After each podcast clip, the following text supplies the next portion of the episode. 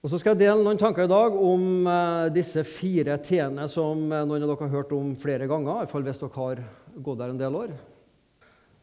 Men vi trenger å bli minnet på ting, for én ting er å ha hørt det, men jeg kjenner meg sjøl, og du kjenner deg sjøl, at å huske det videre Det er én ting, men også det å tenke at dette, hva slags betydning skal det ha i livet mitt, det er også en utfordring. Da jeg kom hit til Misjonssalen Hold dere fast, det er 13 år siden. Så um, starta jeg med å snakke om de fire t-ene. For jeg tror det er en, en visjon for hva vår forsamling og menighet skal være for noe. Hva driver man på med i en gymsal? Jo, man holder på å kaste ball, man eh, spenner en ball. Hva driver man på i en skole? Jo, man lærer. Hva driver man på i en butikk? Jo, man selger og kjøper. Hva driver vi på med i Misjonssalen? Og Da er det disse fire t-ene kan gi oss et sånn pekepinn som en sånn enkle huskeregler. Hva er det denne menigheten handler om? Hva, hvorfor samles vi her uke etter uke? Jo, vi samles for å tro. Og vi samles for å tilhøre. Altså å tro på Gud. Vi samles for å tilhøre Gud og tilhøre hverandre.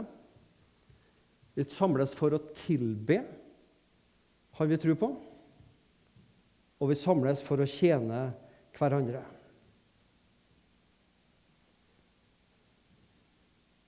Og Det har jeg da kalt de fire t-ene. Tro, tilhøre, tilbe og tjene. Hva gjør du når du står opp om morgenen? Da gjør du sannsynligvis det samme som meg. Fra du står opp til du går på arbeid, da er det de fire b-ene. Beina ut av senga. Badet. Brødskive og bil, buss eller bicycle. Sånn. Sykkel må være B. Så tar det på engelsk. Det er morgenlivets, formiddagens fire B-er. Det er noen rutiner vi gjør. Og sånn er det med disse T-ene også. Det er jo ikke først og fremst noe vi gjør, men det er et liv som vi lever i. Noe vi trenger å bli minnet om igjen. 2. Peter 1, 12-13. Derfor vil jeg stadig på ny minne dere om alt dette, enda dere kjenner til det og er grunnfestet i den sannhet som er kommet til dere. Jeg mener det er riktig å holde dere våkne og minne dere om dette. Jeg likte spesielt det siste verset. Det er, det er en hjelp for å holde deg våken under talen, at jeg minner deg på det. ikke sant? Vi trenger å bli holdt våkne som troende og bli minnet på sannheter som vi vet. Det er bare det at jeg er sånn, og sikkert du også, at det lekker, liksom. Det, det, det, det renner ut, det vi har hørt. Vi trenger stadig å få det fylt på nytt igjen for at jeg skal huske det og tro det. Du kommer til misjonssalen for å, egentlig, for å høre noe som du egentlig alltid har hørt. Du får ikke så veldig mye ny kanskje lære og kunnskap først og fremst her. Men du blir minnet på ting som du egentlig vet. Og så ja, ja, sånn var det det var, ja. ja. ja. dette er jo viktig. Dette må jeg leve i. Og så er det med å holde oss våkne som troende. Tenk om Misjonssand kunne være et rom, et hus, for alle generasjoner. Ja, jeg tror vi er det. Ikke bare tro, jeg vet vi er det. Det bildet der er fra 100-årsfesten sommeren 2008. Tenk om Misjonssand kunne være et sted der barn, unge, voksne altså Vi har hver sine rom. Voksne liker godt å ligge på sofaen med ei bok eller med fjernkontrollen og se noe på TV-en. Det, det er meg sjøl jeg har tegna, vet du. Men det er jo sånn også i vårt hus at vi samles til felles mat. Samles rundt det samme bordet, spis den samme maten. Sånn er det også med Guds ord. Det er den samme maten, men gjerne tilpassa det som nå læres oppe, og det som vi snakker om her. Tenk om Misjonssalen kunne være, og fortsatt forbli, et sånt sted der alle generasjoner kjenner her er jeg hjemme. Her får jeg et møte med Gud. Her blir jeg styrka i troa. Her blir jeg mer bevisst at jeg tilhører Gud og menigheten. Her kan jeg tilbe, og her kan jeg tjene. Og vi samles om det samme Guds ord og den samme åndelige maten. Hvorfor eksisterer vi fortsatt? Dette var 100-årsfesten i 2008. Litt rask hoderekning. Da er vi oppe i 112 år. Det begynner å bli en del år. Men hvorfor eksisterer vi fortsatt? Jo, for å tro og tilhøre, tilbe og tjene. Og Det trenger jeg, og det trenger du, å høre på nytt og på nytt om igjen. Hvordan kan disse fire verdiene, denne visjonen om å være en sånn forsamling, hvordan kan disse verdiene leve enda sterkere i og blant oss i 2020? I dag har jeg lyst til å snakke litt ekstra om å tro og tilhøre. En daglig omvendelse, det er å tro.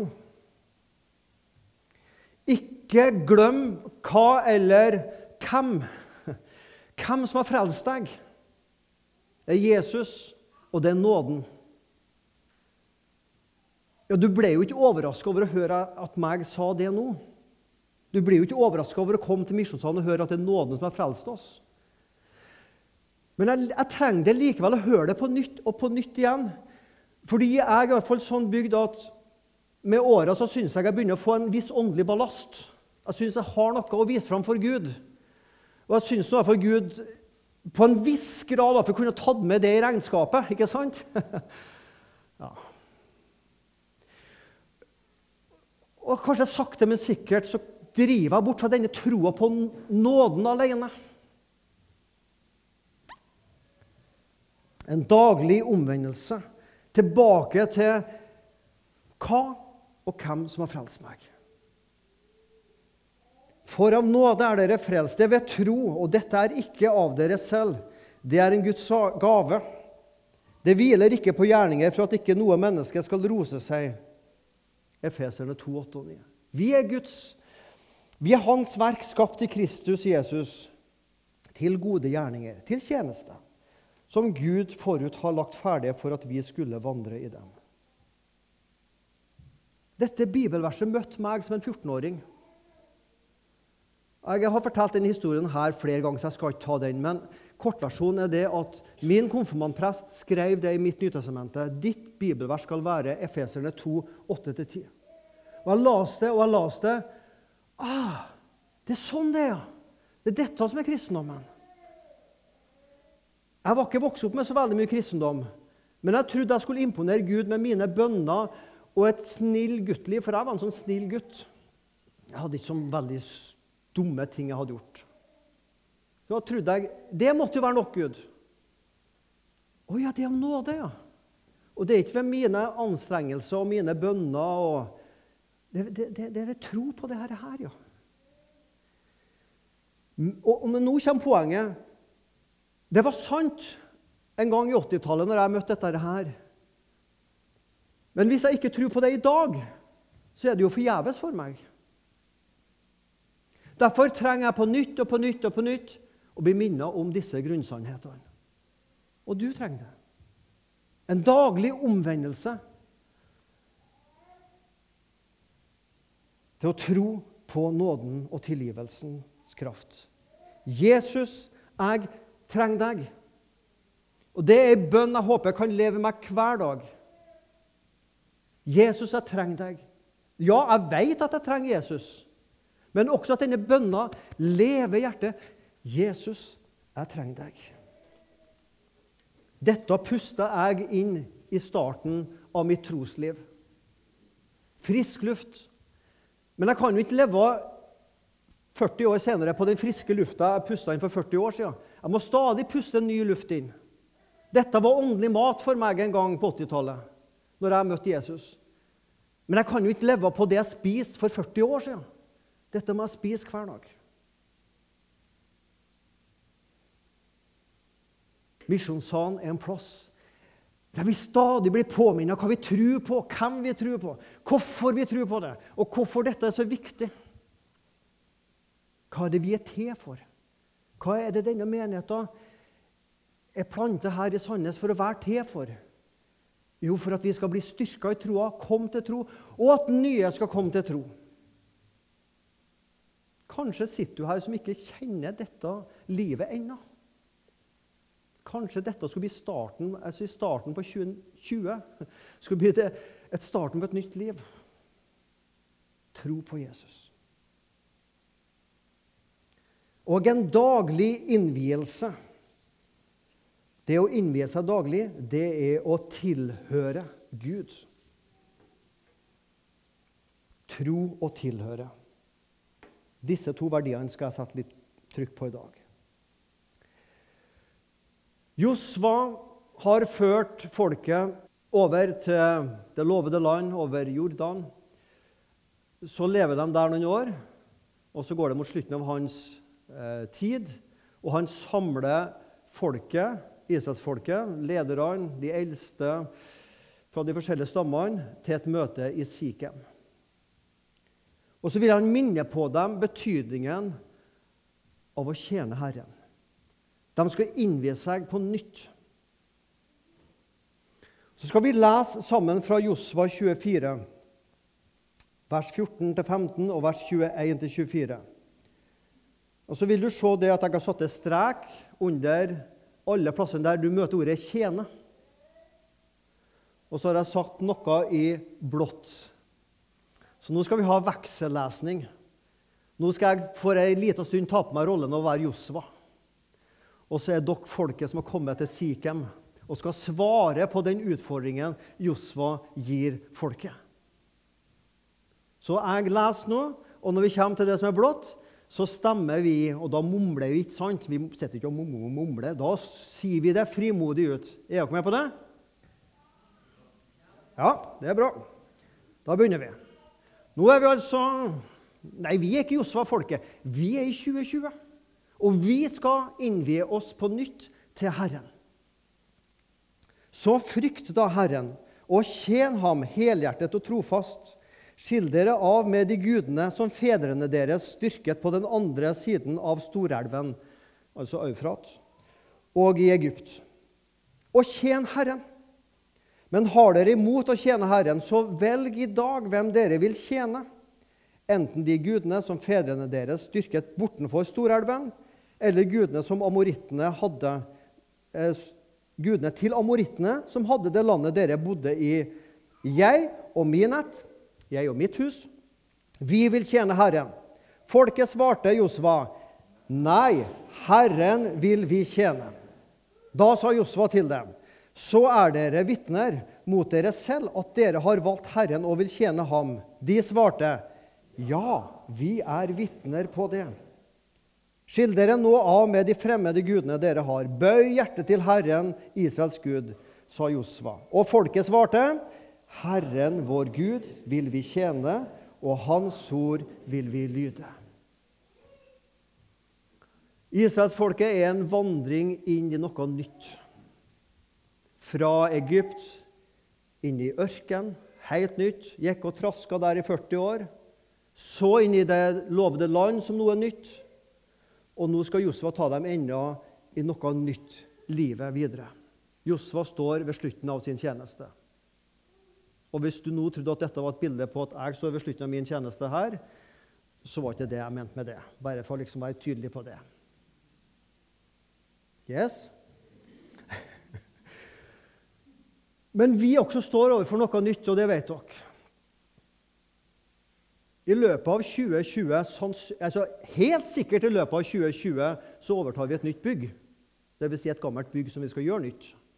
Det vet vi. Og forhåpentligvis i løpet av 2020 så flytter vi inn i det. Det vet ikke vi helt ennå, så det kan ikke jeg love.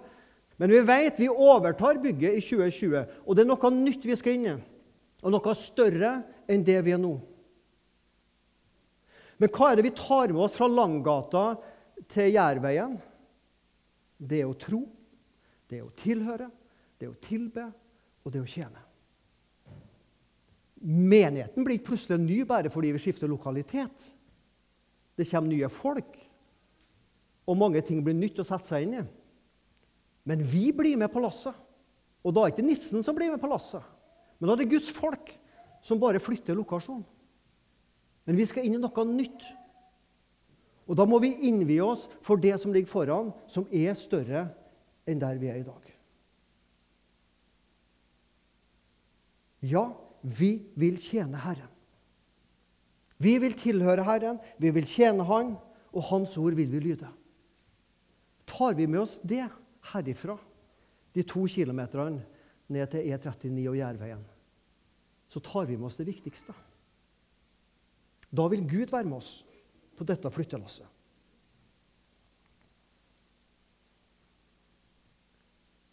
I min ungdom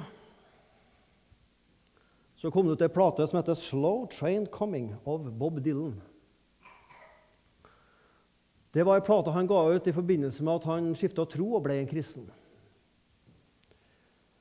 Og Det ble veldig mye oppstyr om det. Og En av de sangene som han laga, heter 'You're Gonna Have To Serve Somebody'. Og Refrenget den sangen den går sånn But you're gonna have to serve somebody. Yes, indeed, you're gonna have to serve somebody.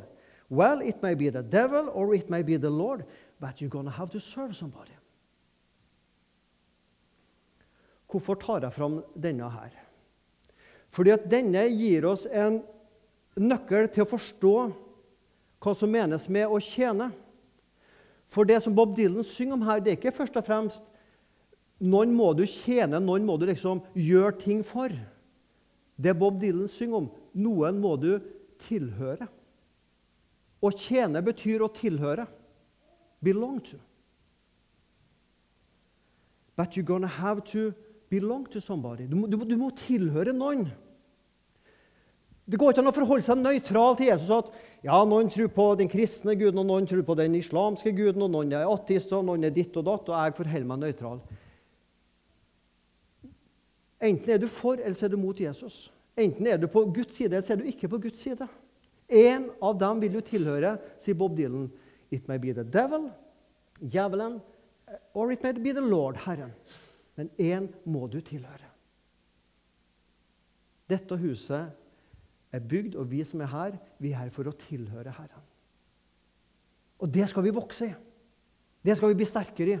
Det skal vi bli mer bevisst i i det nye vi går inn i. You're gonna have to serve somebody. Det handler det om å innvie seg. Nytt år. Av og til så er det moro å leke seg litt med ord.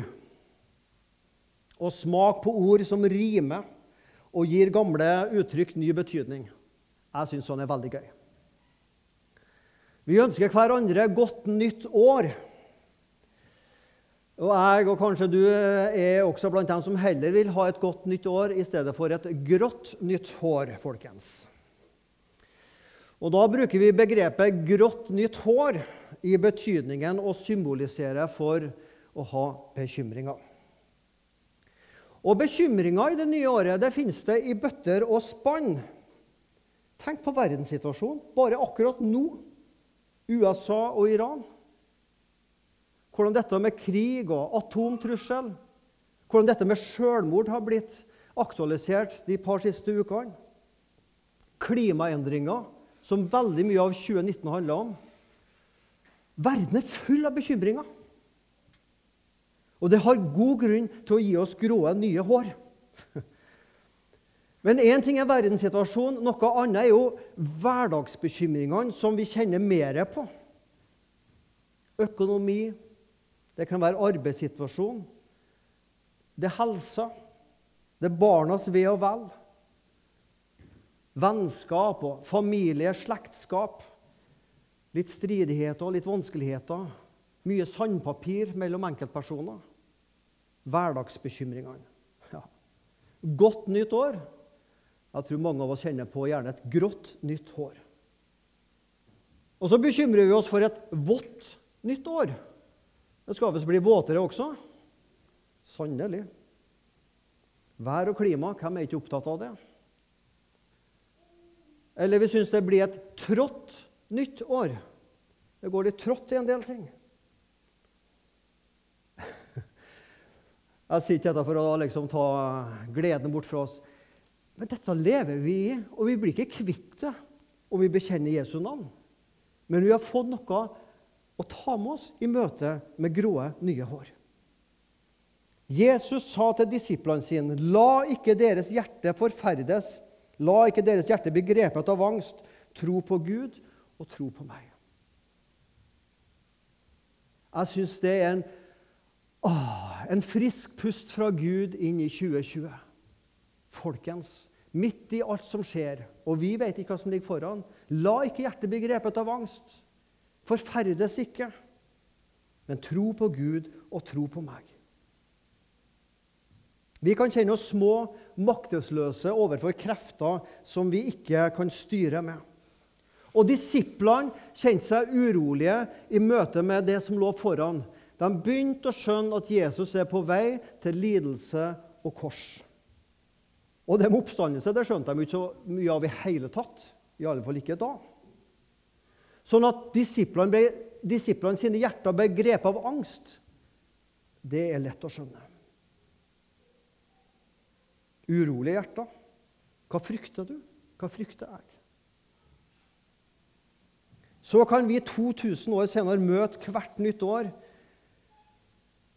med dette at hjertet trenger ikke å bli grepet av angst. Tro på Gud. Og Da skal du lese tro som en gave og ikke som en formaning.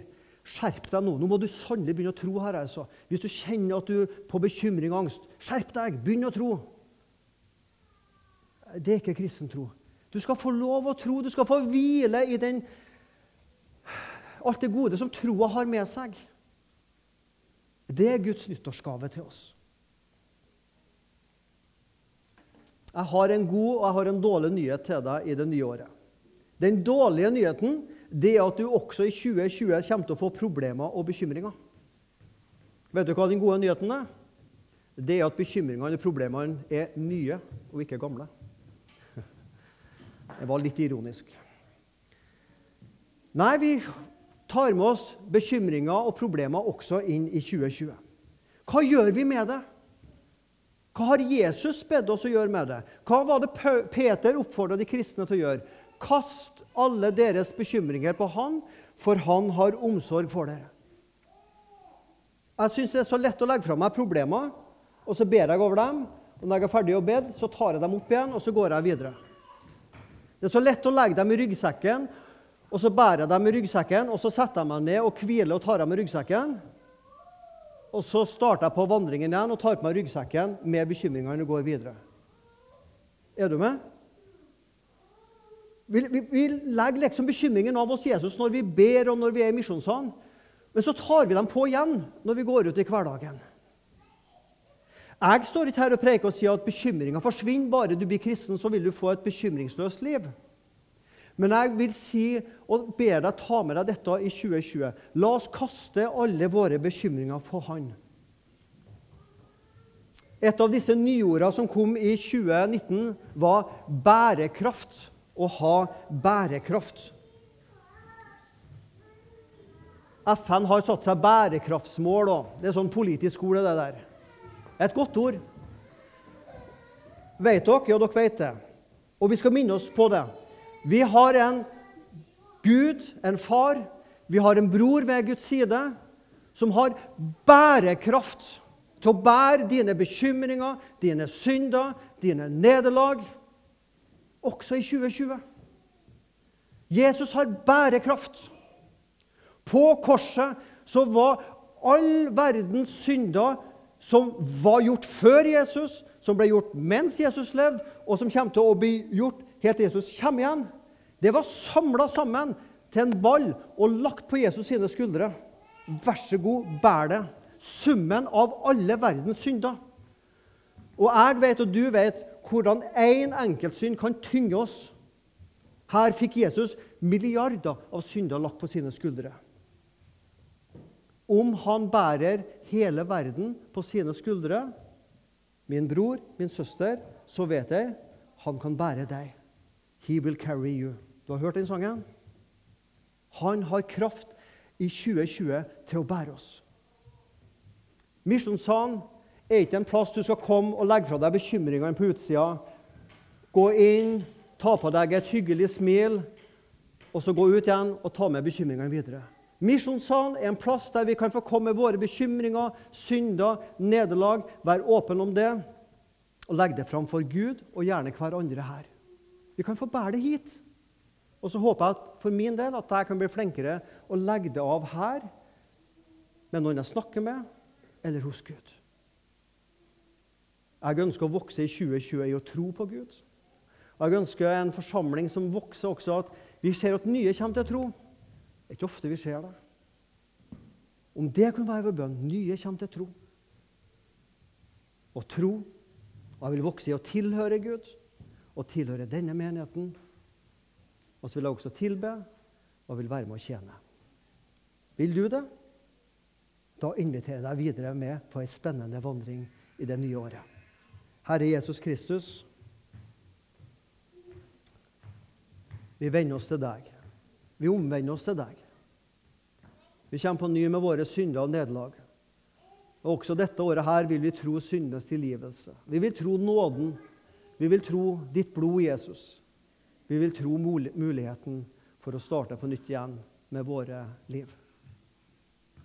Og Jesus, også i det nye året så vil vi innvie oss på nytt og si her er vi med våre liv. Ta meg, bruk meg sånn som jeg er. Jeg vil tilhøre deg, jeg vil tilbe deg, jeg vil tjene deg. Amen.